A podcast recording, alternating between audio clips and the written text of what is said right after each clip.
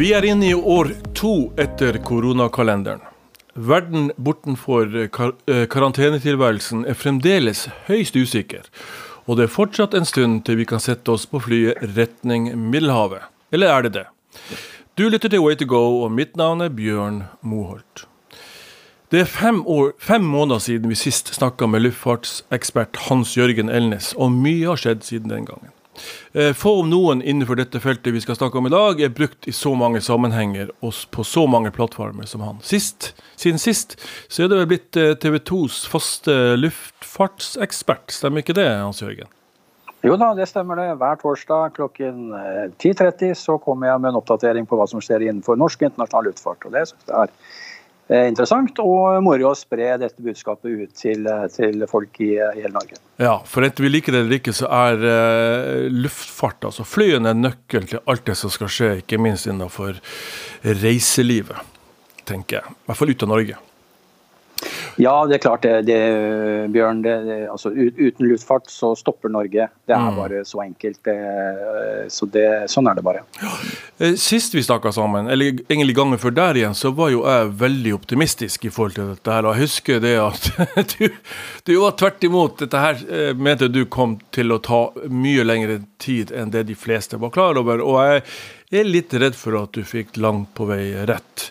Eh, men samtidig så skjer det jo mye på dette området her, og jeg tenkte det var det vi skulle snakke litt grann, om. Eh, Hans Høgen, kan du si litt om ståa per i dag, eh, og når du tror at Kari Ola Nordmann kan ta turen til Middelhavet? Ja, jeg, jeg, skulle ønske at jeg kunne vært en, en sånn fortune teller på det, men du kan se at eh, Hva som er i dag, kan vi være veldig tydelige på. og Det, det er jo at eh, etterspørselen etter flyseter i eh, Europa og til og fra Europa og innenlands i Norge er fremdeles på meget, meget lavmål. De aller fleste flyene står på bakken. Og det er reiserestriksjoner som gjør at man ikke kan, kan reise dit man vil, i hvert fall innen Europa. Eh, og selv om eh, man kan reise nesten som man vil eh, inn, innenfor Norge, så, så ligger jo Avinor innenlandstrafikken på ja, det er rundt 70% under, under fjoråret. Mm. og altså før covid-19 slo til. Ja, 2019, ut, mm. Mm. Ja, ja de, Avinor de måler Du kan si frem til og med rundt 10. mars i år så kan du måle mot mot uh, samme periode i fjor. Mm. Uh, for da like etterpå så begynte man å stenge ned. Men hvis de ser, forholder oss til de bare tar litt Avinor-tall, så kan du se at uh, utenlandstrafikken den er også ned ca. 90, par og 90% og det, Den har flatet helt ut der, og den kommer altså ikke tilbake igjen før reiserådene til UD åpnes opp og det hele tatt kan, man kan reise mer, mer utenlands. Så det er, akkurat nå så ser det skummelt ut, og, og i det korte bildet fremover så har jo myndighetene vært og fristet litt med at man kan reise til, eh, ut av Norge og Europa i sommer. Eh, vi får jo se hvordan det går. Her er mye, mye avhengig av ikke flyselskapene, de står klare. Men mm. blir vaksiner som sånn rullet ut, Bjørn? og det, det, det, er for tidlig å si. Det er problemer nå med en type vaksine. og Så får vi se om man får ordnet det og hvordan det går. Men vi håper jo at det blir en sommer, men jeg er slett ikke sikker på at vi får det. Mm. Hva er de største utfordringene ser du for flyselskapene, som da, som du sier, står her og tripper og håper å komme i gang? Jeg, jeg har jo skrevet litt om disse koronapassene, disse grønne passene som det også snakkes om nå i det siste. og der har jo f.eks. Eh, Hellas og Israel gått inn i et samarbeid og, og ser på å utvikle denne en såkalt reiseboble. Eh, Israel har jo kommet ganske langt i vaksineringen. Det er blitt på, på mange måter et sånn test, testing ground for hva som skal skje ellers, ellers i verden. Eh, har du sett noe på det? Hva, hva tenker du om, om, disse utfordringene som flyselskapene står overfor, og hvordan de skal løse det? Ja, hvis, vi, hvis, vi, starter med reisebobler, da. Det, det har blitt forsøkt eh, flere steder eh, rundt om i verden, bl.a. mellom Hongkong og, og Singapore. Utfordringen her er jo at da, da så etablerer man ok, vi kan reise mellom Hongkong og Singapore, eller mellom Israel og Kypros, eller mellom England og Kypros, som er nå en boble, og kanskje mellom England og Spania, som det begynner å åpnes opp for de som er vaksinert. Og så har vi sett da borte i Asia, der har det plutselig skjedd noe. Det har blitt et nytt utbrudd, et eller annet mutant eller noe sånt i en av disse boblelandene. eller, eller byene, og da har det hele stoppet opp. Og Det er det som er på en måte veldig betegnende for den situasjonen flyselskapene er i dag. De, er, som jeg sa, de, er, de står nesten klare på avgangsbanen og bare gir gass og til å ta av. Men så spørsmålet, de vil jo ha noen passasjerer om bord. Og Problemet er da at, at, markedene de sitter og er like usikre som Bjørn og Hans Jørgen. De, de eh, tør ikke booke, mm. sånn som man gjorde tidligere. Før så booka man, man reisen sin for sommeren den starter å booke allerede i november, desember, januar mm. for å reise i juni, juli, august. Det gjør man ikke nå. Nå er det omtrent like før man går om bord i flyet. altså Det er uker, eh, kanskje. Eh, og da får ikke flyselskapene nok informasjon til å kunne ha god styring på sin, eh, eh sin kapasitet de skal sette inn. Og, det, og hvis noe skulle skje, og de da har Eh, satt opp kapasitet. F.eks. SAS. De bruker 57 uker på å, å, sette opp kapasitet for sommeren. Mm. Og de må planlegge god tid. Og så kommer det da plutselig midt i dette her, eller mot slutten, og så kommer det et eller annet som gjør at uh, man ikke kan gjennomføre dette her. Så må man jo ta det ned igjen. Og så har veldig mange bestilt billetter, og så er det refusjonsdramatikken som vi hadde i fjor, hvor det tok uh, måneder og nesten år før uh, Alle har vel ikke fått tilbake pengene sine mm. enda. Mm. Så dette er eh, stor hodepine for flyselskapene. Hvordan skal de håndtere det? Tror du at det vi ser nå er noe som kommer til å avleire seg i fortsettelsen? Du, altså disse lavprisselskapene har jo vært ganske avhengige av å få inn pengene ganske lenge før eh, selve turen avvikles. Eh, hvilke konsekvenser får det å si for flyselskapene? Alle flyselskaper, uavhengig om det er lavprisselskap eller mm. nettverksselskap, er har hatt det vi kaller en cash, flow, eller en kontantstrøm, mm. som gjør av at man forskutterer at eh, du og jeg og mange andre bestiller reiser. og så går inntektene inn til flyselskapene på vinteren spesielt, og da, det, da går det å holde liv i flyselskapene. Og så reiser man da på sommeren, og da får man jo ikke inntektene. Da får man avregninger av den billetten når du reiser fra Oslo til Barcelona, eller til du reiser jo helst til Italia, tenker jeg, til et annet sted der. Da først blir eh, billetten til Bjørn avregnet i SAS eller Norwegian eller hvem som helst i flyselskap. Så de er helt avhengig av disse her, her eh, for å kunne holde maskineriet i gang. Og, det er klart Hvis det blir slik at kundene bestiller når reiseatferden endrer seg, at du bare venter og bestiller like før avreise, så må jo selskapene ha mer kapital for å kunne klare seg gjennom eh, tøffe perioder på vinteren lavsesong, eller så må de da sette fly på bakken og redusere kostnadene sine. Så Det blir spennende å se hvordan det går. Mm. IATA arbeider nå med et uh, type vaksinepass uh, som de da har forsøkt eller De starta vel prøven, utprøvninger i, eh, med Singapore Airlines her 15.3.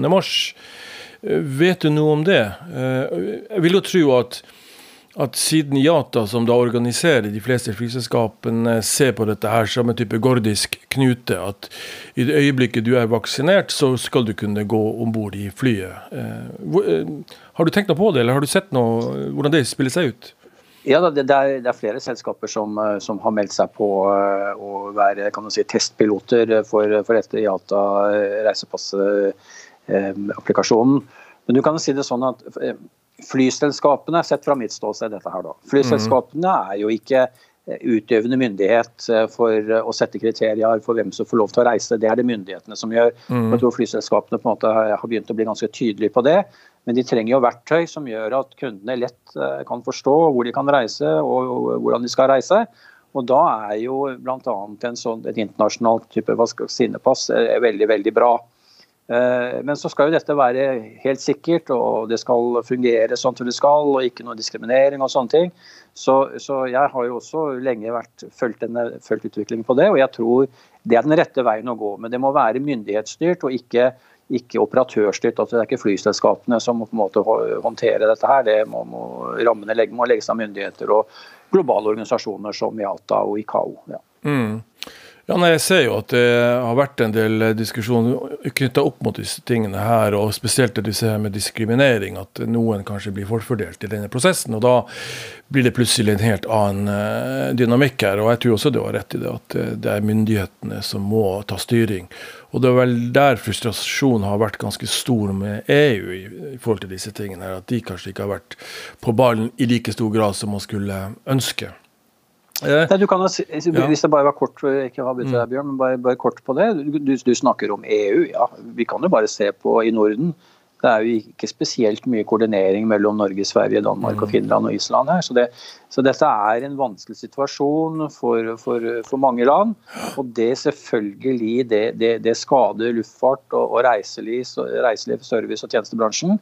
Så kan vi se på f.eks. bare så veldig kort om det, Eh, borti USA og i Kina der, og i Brasil, selv om Brasil er veldig hardt rammet, så ser vi der der øker også innlandstrafikken betydelig. Der har man da et kjempesvært kontinent som, mm. Eh, som har, eh, hvor man har kontroll lokalt, ikke forholder seg til andre parter. Og da, da blir det ordning. Mm. Det må også på plass eh, her i Europa. Mm. Ja, for det finnes jo ingen perfekt løsning på dette. her, så vidt jeg skjønner. Man, det blir en del kamelspising uansett, sånn som jeg vurderer det. Man er nødt til å gå inngå disse, disse eh, kompromissene. Um, hvis man skal se litt, eh, de litt lengre linjene på dette her um, Korona har jo ført til en, viss, en betydelig endring for mange av våre arbeidsvaner og, og slikt. Vi, vi sitter hjemme, vi kan snakke med folk på, eh, på Teams og, og, jeg vet ikke hva. Tror du, Ser du en endring her i, i fremtiden for hvordan vi eh, skal reise? Ja, Det er et veldig godt spørsmål, Bjørn. og Det er litt skummelt, dette her. Mm. Vi, eh, vi, skal holde oss litt hjemme her nå, og starte med det. Så kom det jo ut en artikkel i Dagens Næringsliv på mandag Mm. Der er eh, Equinor eh, og, og, Telenor er ganske tydelige der på at de vil planlegge for å redusere sin reiseaktivitet med 50% i forhold til 2019. Mm. Og jeg tror det vi kommer til å se, kan komme til å se, er at de store konsernene både i Norge, Europa og på global basis, de vil sannsynligvis sette standarden her og, og, så vil det å følge litt av det som vi sa her om Equinor og Telenor. Og jeg tror vi Worst case scenario det er jo en nedgang på forretningstrafikken på 30-40% etter at covid-19 har, har, gitt seg. Det er jo selvfølgelig ekstremt skummelt for selskaper som er, eh, hvor, eh, som er avhengig av dette markedet. Mm. Men så må vi også se litt på eh, hvilke kontinenter, Drodle litt om det. Så kan du si at Jeg tror at det vil slå mest ut eh, i Europa og mellom Europa og Nord-Amerika. Og i mindre grad mellom Europa og Asia. Jo, hvorfor det? Jo, fordi at Asia er en sånn eh, voksende økonomi hvor jeg tror de, de har ikke kommet så langt på at de kan gi seg på å reise. De vil heller reise mer.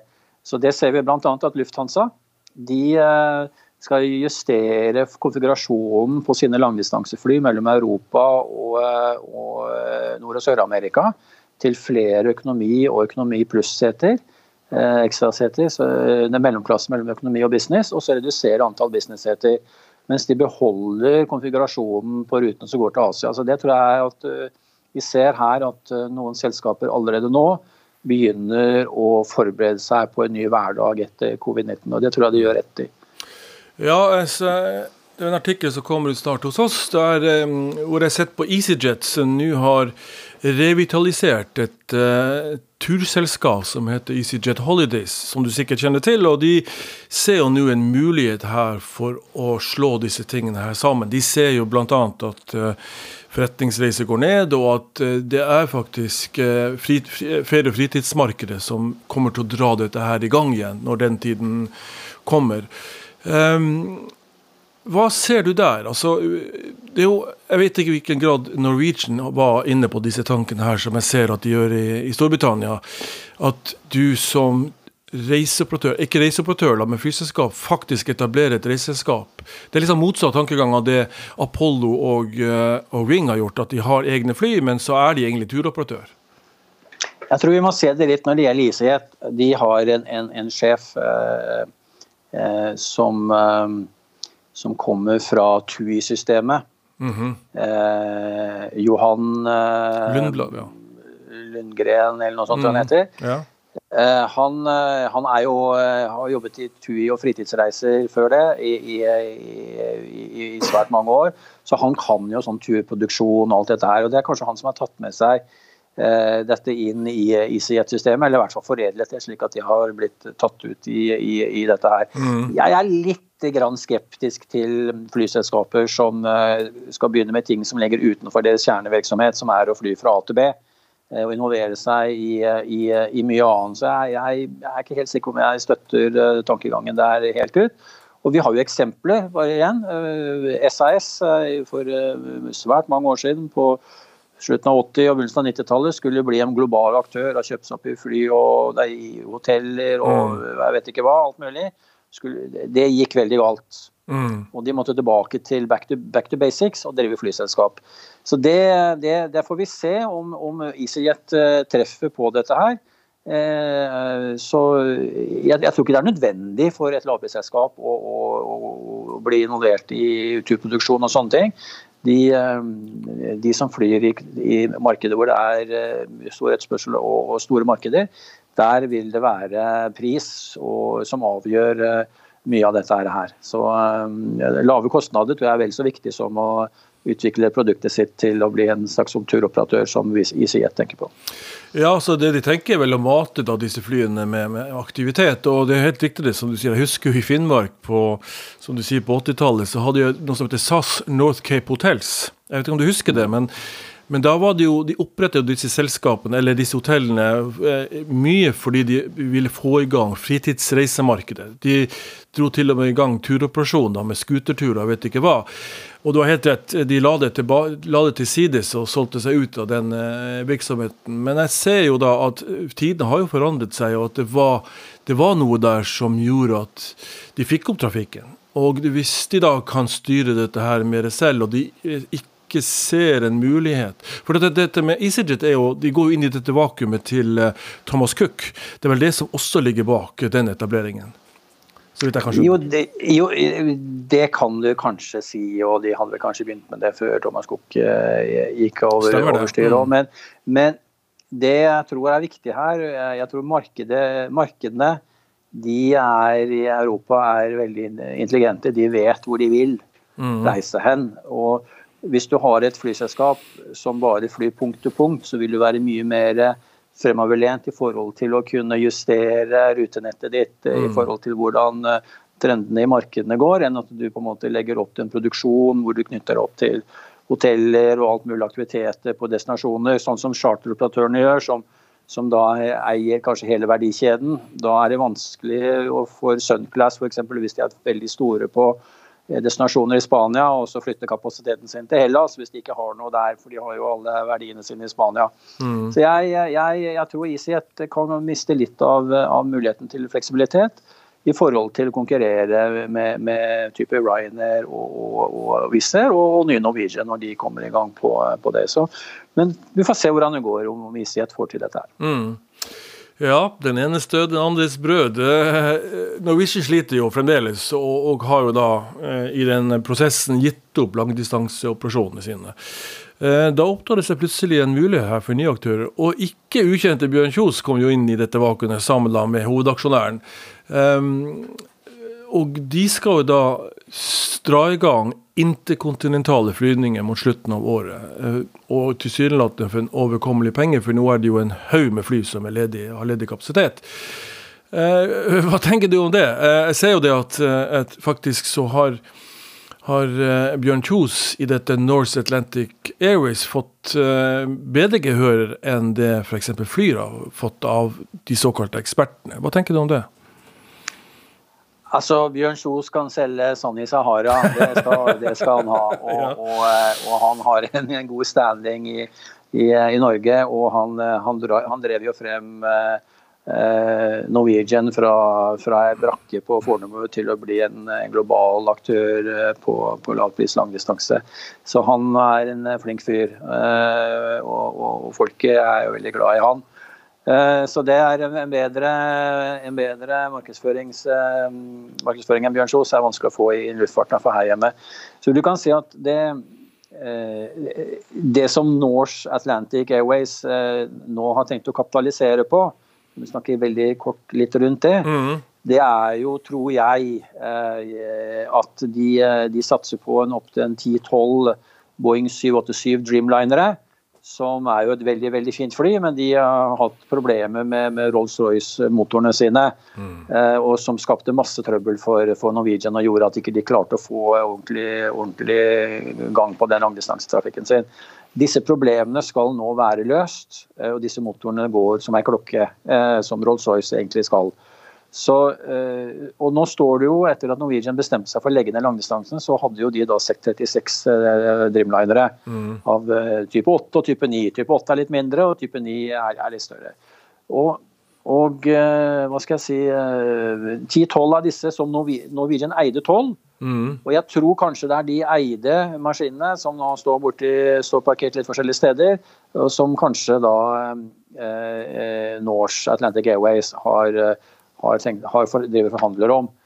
Um, og uh, de flyene de, uh, Skal du leie en sånn, da, skal du leie en, en 787, så har det en prislapp i, i uh, leasingleie i måneden på rundt 1 million dollar mm, per fly. Mm. Det er bare leien, så kommer alt mulig annet i tillegg. Mm. og skal du f.eks. bygge om en sånn fra konfigurasjonen som Norwegian hadde, altså seter og alt mulig interiør, til f.eks. Qatar Airways, som har da en kjempeluksus, mm. så koster det, ikke, all, koster ikke, det mindre, altså minst 150 millioner kroner per fly. Og det, den ombyggingen tar et år. Mm. Store, store utgifter.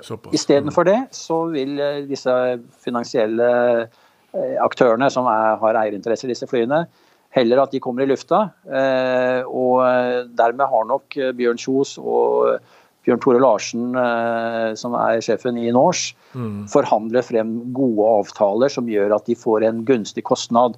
Detaljene vet du ikke, men de, de må være knallgode. Kjenner jeg Bjørn, Bjørn Kjos, han er god til å forhandle også. Dette er nok en meget god avtale, ellers hadde han ikke gjort det. Nei, og det er vel en god del tallknusing som uh, ligger til grunn. Hva syns du forresten om det navnet, North Atlantic Airways? Jeg føler det er en liten tilsnikelse i forhold til Færøyenes nasjonale flyselskap. Jeg så det Atlantic Airways. Jeg så også at de, ja, de bryr seg ikke noe om uh, det navnet. Jeg tror ikke de, det, det har de gått ut offentlig og sagt. Men Norse er jo litt sånn Norseman, og det er jo litt sånn vikingstil uh, på det. Og, ja. og, det er jo noe som heter Norseman, er jo et veldig kjent fly fra gamle dager, som også fløy rundt her i, i, eh, på kysten. Jeg tror Widerøe hadde det for sånn like etter krigen nå, kanskje mm. før krigen nå, for den saks skyld.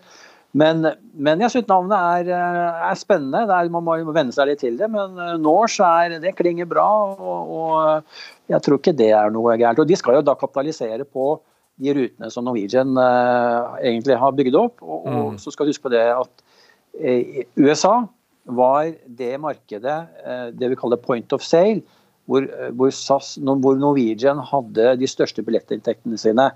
Det var, var, foran Norge og det var foran de andre store markedene mm. i Europa. Så de var kommet veldig godt i gang, og det er jo, derfor så må Norse være ganske kjapp på når markedet kommer tilbake, mm. for å kunne dra nytte av akkurat det der. Ja, for Noe av kritikken mot langdistansesatsingen til, til Kjosoko, det var jo at uh, det ikke var egentlig bærekraftig, at de tapte penger på det. Bortsett kanskje fra den uh, USA-trafikken. Uh, kan du si litt om det? Ja, altså altså, eh, Når det er førstemann ut eh, i, i, sånn skala som Norwegian eh, long-haul var, mm. så, så, tar det tid for å, å få profitabilitet i rutene. Og, og, det andre problemet, Vi må ta det sånn stegvis her. Neste problem det var det at de fikk fryktelig mange fly veldig fort. Og disse store maskinene må jo plasseres. De kan ikke stå på, stå på en flyplass og, på, og, vente på tur. De må ut i, i drift. Eh, og da fikk de ikke tid til å bygge opp markedene godt nok, slik at de måtte fly med fryktelig lave priser og til flyplasser som lå langt ute i Hutiheita. Eh, der, og det, det, det gjorde, gjorde, at kostnadene for å sette i gang dette her ble, ble, meget høye. Men det vi ser mot slutten, når de begynte å, å, å gå seg til og markedet i USA virkelig tok imot lave prisene fra, fra Norwegian, så eh, kom inntektene opp. Og det var ikke så fryktelig langt unna i år før dette har gått break-even og, og, i pluss. Hvis verden hadde vært normal i dag. Jeg får en følelse av at du var egentlig litt pro dette her. At dette tror du ville ha gått seg til. At det ligger en forretningsmodell her som, som er bærekraftig. Og, eh, men du sier også det at her handler det veldig mye om penger og, og gode avtaler. Hva, hva, tror du blir på en måte det viktigste her? Vi snakket jo sist om hvordan disse nye selskapene spesielt da kan begynne på scratch, og hvordan de bygger seg opp i forhold til akkurat disse tingene her. Hvordan de skal kutte, kutte hjørnene i forhold til utgifter. Eh, hvordan vil Flyr og da Norse se ut, ser det sånn administrativt? Dette vil bli det vi kaller veldig line organisasjoner. Eh, og det er også de, de har minimal administrasjon. Eh, og kjøper alle mulige tjenester de ikke absolutt må ha in-house selv, mm. fra andre. Altså Overlevelsesfaktoren for disse selskapene består sett fra mitt ståsted igjen, av to ting ene betydelig og nok kapital. To lave driftsomkostninger. Mm. Altså kostnadsbase.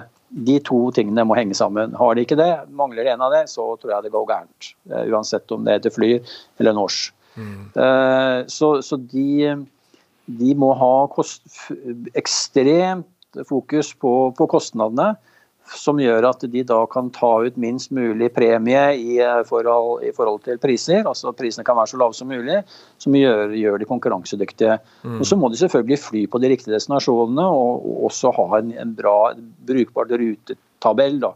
Mm. At de går på tider på døgnet som, eh, som, er, som markedet etterspør. Uh, og, og det, det, har vi jo sett, da, at både Flyr og Norse har planlagt. Uh, Flyr innenlands Norge til Bergen, Stavanger og Trondheim og noen sydendestinasjoner. Og, og Norse da fra type London Gatwick og, og, Paris og OSL har de i hvert fall sagt hittil.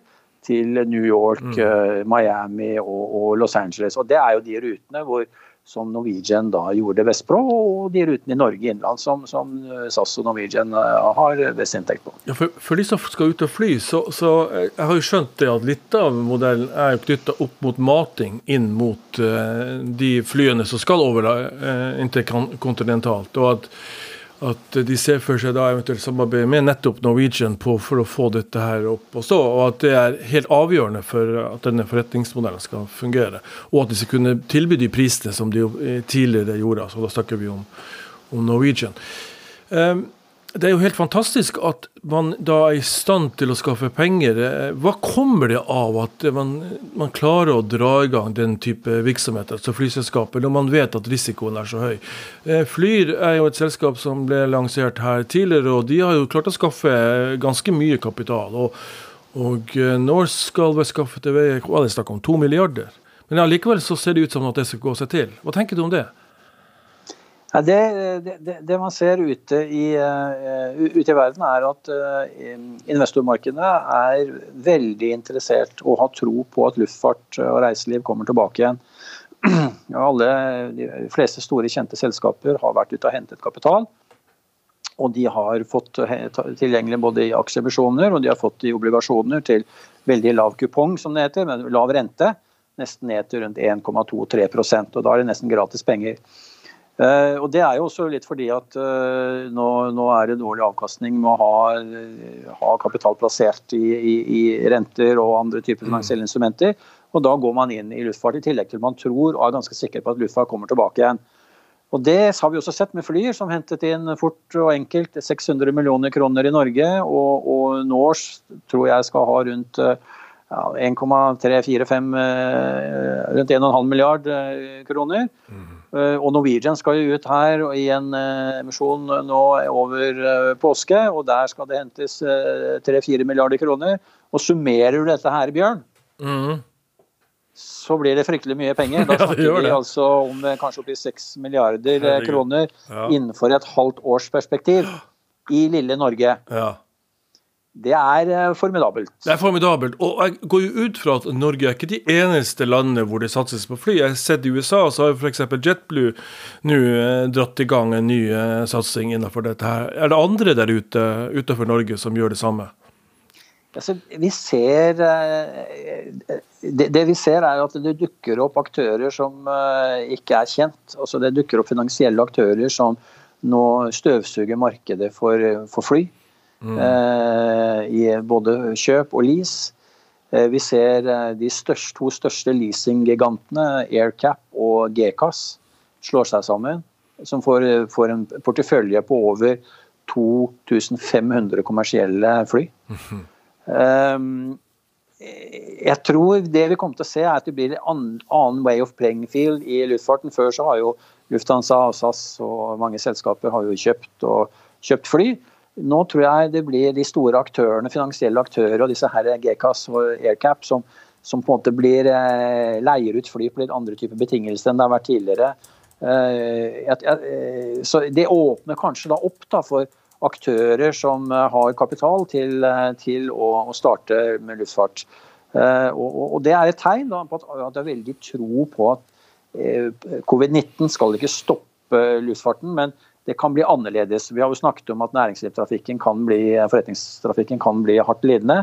Men at, at, folk ikke vil reise og besøke venner og familie og dra på ferie, nei, det tror jeg det tror jeg er helt usannsynlig at det ikke kommer til å ta seg tilbake igjen. Eh, og at man får en voldsom ketsjup-effekt her når dette er uh, gjennomførbart. Ja, det tror jeg også. Såpass eh, optimistisk skal vi være. Og så da lurer jeg jo da på, med den, disse, alle disse flyselskapene og all den aktiviteten som ligger i andre enden av korona, hva vil det her bety for oss reisende? Jeg ser du har vært ute og uttalt deg om, om priser på flyvninger når dette her dras i gang, ned mot ti kroner en vei. Hva tenker du om det? Ja, dette tikroners uh, argumentet mitt, det er jo litt Man må forstå hvordan lavprisselskapene på en måte markedsfører seg. Altså Hvis Wizz Air selger 100 000 billett, enveisbilletter innenlands i Norge til 10 kroner, så regnes det som 1 million i markedsføringsbudsjett. Mm. Eh, og Hvis SAS f.eks. skal kjøpe seg TV-reklame og gå i store nasjonale riksdekkende media med aviser og digitalt og whatever, så er en million ingenting. Da snakker vi på et markedsføringsbudsjett kanskje på 5, 6, 7, 8, 10 millioner kroner, kanskje mer. Så på en måte, dette, dette er forskjellige strategier som selskapene gjør. men, men det er ikke bare det at de prøver å presse prisen ned og si at det er 10 kroner ved gjennomsnittet. For Gjennomsnittsprisen til Wizz Air i Europa på enveisstrekning den ligger på rundt 45 eh, euro. Ikke sant? Mm. Og så, så, dette er, er, rett og slett en form for markedsføring som, som, virker veldig bra. og Vi skal ikke regne med at det blir tikronersbilletter uh, en masse i Norge til enhver tid. Uh, og jeg, uh, Hvis man ser på, på, det vi kaller glidende gjennomsnitt på billettpriser tilbake fra 2012 til i år, så har det lagt på en sånn ja, under mellom pluss 3-4% minus 3-4 Eh, langs aksen hele veien, og så har den droppet nå etter covid-19 slo til. Så det har ikke vært store utslag. Så eh, det setter nok litt mer press på innenlandsmartprisen totalt sett. At mm. det prisene blir litt ned, men tikronerspriser til enhver tid, nei, det får du ikke. Og pressen de hopper på. det er flere som har skrevet om dette her. Så jeg, jeg ser jo det at du lykkes jo da i denne strategien å, å flagge disse prisene. Men som du sier, så går kanskje prisene i snitt noe ned. men men ikke i de eh, kategoriene som vi ser her. Ti kroner er jo helt latterlig, og det vil jeg tro er da, da, er det som å vinne litt i Lotto hvis du får en tur til den prisen. Ja, jeg kan jo bare si deg det, Bjørn. at Det er ingen flyselskap, inkludert Ryanair og Wizz Air, som kan leve av billetter til ti kroner. Eh, selv om de får eh, selge masse det vi kaller ancillary revenues, altså fast mm. track og sete og sånt. Det, det er ikke det det er. Men det er rett og slett det beste verktøyet for å få, eh, for å få mye omtale i media, er, er, pris. Og særlig når det kommer ned på 1 euro og 10 kroner, så, så er pressen, eh, og veldig mange, eh, tar det veldig. Og det, dette vet de. Ja. Og, og, og, og, sånn, Så det er, det, er, det er, den måten de gjør det på. Ja. Det er veldig hyggelig, alltid hyggelig å snakke med deg, Hans Jørgen, for du har så mye peiling på dette. her. Vi skal avslutte snart. Jeg bare eh, lurer sånn helt på tampen, eh, for å på en måte gå tilbake til det vi starta med, eh, at når kan vi håpe at dette her skal ta seg opp? Og som du sier, det er jo nesten helt umulig, men alt henger, så vidt jeg kan skjønne, på vaksineregimene rundt omkring. Så du, ser du for deg en sånn cirka dato for når det kan skje? Nei, det gjør jeg ikke. Jeg ser ikke for meg noe dato, Bjørn. Det er, eh, jeg kan si det sånn, jeg håper virkelig at vi får en sommer hvor, hvor, folk kan reise som de vil, først og fremst innenlands i Norge, men også til feriedestinasjonene rundt Middelhavet. Men det er langt fra sikkert at det skjer, fordi at disse destinasjonene rundt Middelhavet de må også ha rullet ut vaksinene sine mm. nok til å kunne håndtere eventuelt smitte og sånt, og at ikke det blir for mye av det der nede. Og presse på helse, helsesystemet. Er ikke det på plass, så kan det mm. bli en dårlig sommer, i hvert fall utenlands. Og da må innenlandstrafikken eh, ordne opp, i hvert fall så mye den kan. Men da må det også være mulig på en måte å, å reise og ha det hyggelig i Bergen og Tromsø og på Svalbard. og Man kan spise middag og en glass rødvin til og, og, sånt uten at man må stenge klokka åtte om kvelden og alt dette her. Det, det, så det er litt vanskelig å si. Jeg håper myndighetene klarer å få gjennomslag og stoppe smitten. Og rullet ut vaksinene, og vaksinene virker og ikke er skumle, da er veldig mye gjort. Så jeg tror 2021 kan bli tøft. Eh, jeg tror eh, vi nok venter til 2022 før eh, vi på en måte er tilbake. Og Så får vi bare håpe at det ikke kommer noen mutanter underveis mm. som ødelegger dette, dette scenarioet her. Men jeg ser at en Barolo smaker ikke like godt i Tromsø som den gjør i eh, Piemonte. Eh, så jeg tror nok at vi, det blir et press der og et, en ketsjup-effekt, tenker jeg. Og at vi står her nå og tripper og venter. Og jeg tror at det å få reist i gang er mer viktig for de landene rundt Middelhavet enn det er for oss nordmenn. Vi, eh, vi, klarer oss eh, fint. Uheldigvis, kan man kanskje si. Men som du sier, jeg tror at når vi er nødt til å få disse, regime, disse vaksineregimene på plass før vi helt kan tenke på å få eh, flyvning av en viss eh, størrelse i gang. Hans Jørgen, tusen takk for nå og for at du stilte, og så håper jeg vi snakkes snart igjen. Takk for det, Bjørn. Alltid hyggelig å ha en samtale med deg. og Håper at lytterne dine også får noe ut av vår lille passiar om luftfarten. Takk for det, Bjørn.